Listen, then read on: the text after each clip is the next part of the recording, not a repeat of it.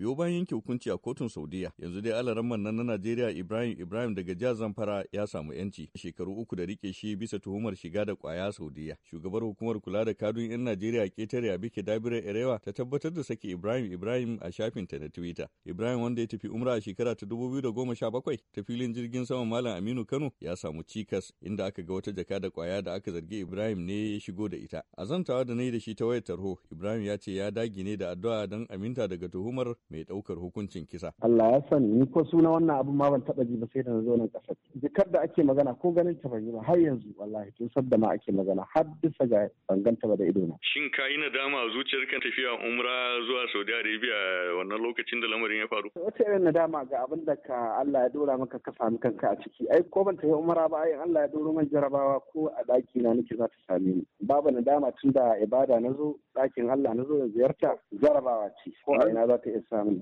Nan gaba idan wani zai taho umra Saudi Arabia ya zo ya same ka ya nemi ka ba shawara me zaka ce masa? Babbar shawara za a ba shi addu'a. Sai mutum ya ta addu'a Allah ya kare shi kawai. Sannan kuma sai a kula. In mutum ya shigo airport ya kula babbar shawara ma dai komi kai da kanka kar ka yadda wani ya maka aiki da fasfot ɗinka ko kuma ya anshi takardunka ko ya je wani wuri da su tukar ka yadda komi kai da kanka shine shawara kawai bayan addu'a. Wasu malamai da ƙungiyoyin addinin musulunci sun ji hankalin gwamnatin Najeriya don sanya baki a lamarin inda ministan shari'a Abubakar Malami ya ɗau matakai. Alkasim Yawuri shine sakataren jam'iyyatu Ansaruddin At-Tijjaniya. Goma ga watan March na shekara 2017 ya bar Aminu Kano International Airport cikin Ethiopian Airline ya sauka a Jidda. Ya je ziyara kafin ya je Umara Madinan manzon Allah sallallahu alaihi wasallam gwamnatin Zamfara na wannan lokaci tare da shi da wasu mutum 29 ta tura aikin Umara saboda a samu zaman lafiya kan kalubalen da ake samu a jihar Zamfara saboda ayi addu'a. To a nan ne wasu jami'an kula da harkan ƙwayoyi na Saudiyan suka zo a Madina suka balla ɗakin su suka kama shi a cikin dare suka tafi da shi a Jidda. Wancan sun ta tafi da shi lokacin suka fara tambayan shi cewa ya san bayanin wani jika ya ce shi gaba ɗaya bai san wani jika ba saboda dan